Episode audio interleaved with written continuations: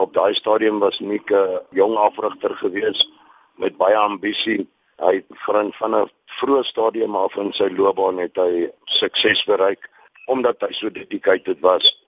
Hy's baie toegewyd gewees aan die sport.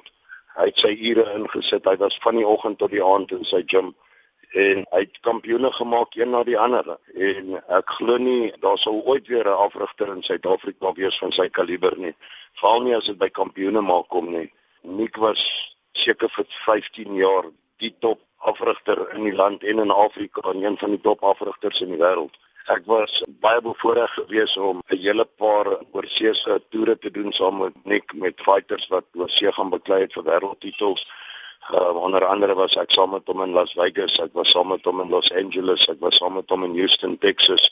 Wat 'n tipe vriendskap het julle gehad? Ek verstaan julle het 'n baie kompeterende vriendskap gehad. Ek het baie goeie tye saam met Nick gehad binne in die kruit en buite die kruit. Ek en Nick het mekaar seker 25 keer al beklei met ons oudjies teen mekaar en dit was op 'n stadium vir seker 10 jaar lank ek saam met Mimi Fernandes was was ons uh, Nick se grootste kompetisie geweest en dit was altyd nice geweest om teen hom te kompeteer. Hy het die beste uit ons uitgebring en ek dink hy het die beste uit baie mense uitgebring vir al sy eie fighters. Maar niks se fighters het baie opgekyk na hom, hè? Sy sy fighters het opgekyk na hom as 'n vaderfiguur wat hy in hulle lewe was. Hy was nie net hulle afrigter nie, hy was regtig hulle mentor geweest. Hy het outjies gevat van niks af nie uit die uit die ghettos uitgetrek en hulle wêreldkampioene gemaak en Nik het net die manier gehad om met hierdie ouetjies te werk en en die beste uit elke persoon uit te bring wat hy mee gewerk het. En vir ons is dit regtig sê, ek het nie woorde om te beskryf hoe ons voel nie. Dit is al het Nik nou 'n jaar terug uitgetree eh, as 'n afrigter, is dit nog steeds 'n groot verlies vir vir Suid-Afrikaanse boks en ek dink wêreldbokse. Nou Nick het altyd ringe opgehad en al hierdie um, goue handjies opgehad. Sy voorkoms het altyd baie sterk gelyk. Maar wat 'n storie kan jy ons vertel wat sy sagte voorkoms gewys het? Jy weet Nick um, Nick het miskien soos 'n gangster voorgekom en hy daai daai voorkoms gehad, maar agter al daai tattoos en goue kettinge was haar man wat regtig 'n goeie hart gehad het, 'n sagte hart, 'n sagte plek gehad vir al sy fighters. Hy was altyd bereid om hulle te help. Maak nie saak wat die probleem was nie. Nik het hulle altyd gehelp. Hulle het altyd geweet hulle kan nie na nie toe gaan vir hulp, 'n persoonlike probleme. Maak nie saak wat hulle probleme in die lewe was nie. Hulle het geweet Nik is altyd daar vir hulle. Nik het nooit sy rug op 'n fighter gedraai nie.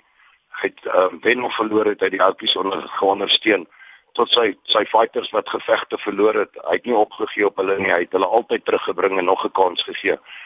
Nou ek weet Nick en Damien het 'n baie noue verhouding gehad en hy was familieman gewees. Nick was was baie lief vir sy kinders en hy het alles gedoen vir sy kinders. Hy het gelewe vir sy familie. Sy seun Damien, ek dink Nick en hy dit is sy grootste vriend. Hulle was ek kan onthou toe Damien 4 jaar oud was, toe was hy saam met Nick by toernooie gewees waar sy seun en my seun selfe ouderdom was wat hulle onder die kruit besig was om te speel terwyl daar gevegte aan die gang was bo in die kruite dit is 23 jaar terug laasweek toe ek saam met Nick was het ons oor daai spesifieke toernooi gepraat en en gepraat oor hoe gou tyd verbygaan. Ons kon nie glo dat dit 24 jaar terug was dat ons kinders onder die kruit gespeel het saam nie.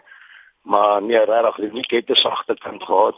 Hy's 'n man gewees van sy woord. Hy het nie nonsens gevat van enige iemand nie. As hy 'n ding moes gesê het, het hy dit gesê as dit sy fighter kon bevoordeel of goed goed goed wees vir sy fighter het nik nie omgegee of die president daar staan nie. Hy het gesê wat moes gesê word. Hy het reguit gepraat, hy het nie doekies omgedraai nie. En dit is ons nik um, sal onthou as um, as 'n man wat reguit was. Sy loopbaan, 24 jaar in die loopbaan, so baie kampioenskappe. Uit uit nie boks in agtergrond nie. Waar kom hierdie boks gogga vandaan? Kyk, nik daai tyd was hy in die dorp. Ek verstaan hy was in die klere industrie en hy het bevriend geraak op daai stadium met die met, met Willie the Wheel wat 'n legende is ook in sy tyd een van die beste afrigters wat Suid-Afrika nog ooit opgelewer het.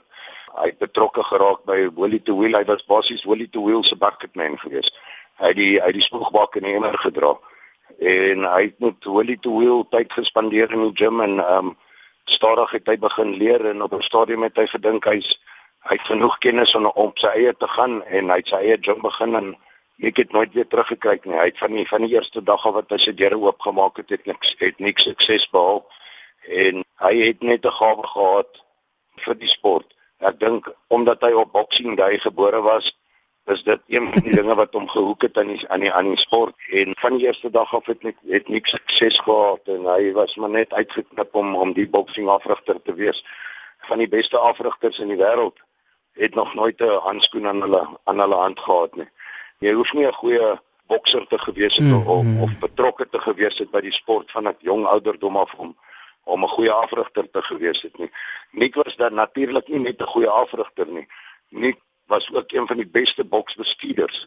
Daar's nie 'n ander bestuurder wat kan sê hy het vir sy vegters gedoen wat Nik gedoen het nie. Nik het altyd die die beste geld vir sy ouens gepraat met die promotors